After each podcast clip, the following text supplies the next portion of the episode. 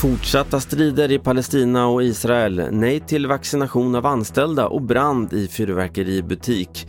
Ja, TV4-nyheterna börjar med striderna mellan Israel och Hamas som nu har spridit sig till Västbanken där sammandrabbningarna beskrivs som de värsta på 20 år. Och också i palestinskt dominerade städer i Israel fortsätter oroligheterna. 141 människor har dödats under stridigheterna de senaste dagarna.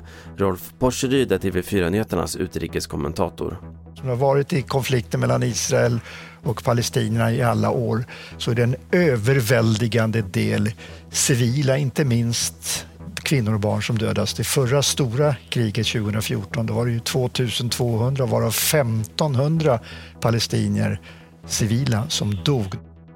Sverige nu, de flesta regioner säger nej till företag som vill vaccinera sina anställda på jobbet. Det visar en undersökning som TV4-nyheterna gjort. Det här möter nu kritik från branschorganisationen Sveriges företagshälsor som menar att resursen borde utnyttjas. Men så här svarar Skånes regionråd Gilbert Tribo.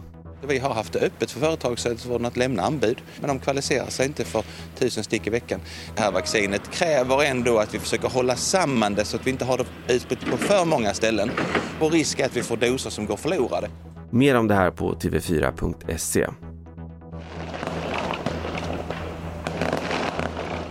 Så här lät det fortfarande under förmiddagen idag i den fyrverkeributik i Ljungby som träffades av blixten igår kväll.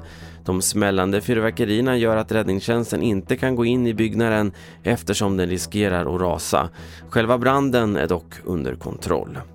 Till sist kan vi berätta att bananflugans hjärnceller nu är färdigräknade. Amerikanska forskare har räknat fram att den har knappt 200 000 hjärnceller, vilket räcker till att den ska kunna göra det den ska. Som en jämförelse har en råtta runt 12 miljarder hjärnceller och en människa omkring 85 miljarder. I genomsnitt i alla fall. Det var senaste nytt från TV4 Nyheterna. Mitt namn är Carl-Oskar Alsen.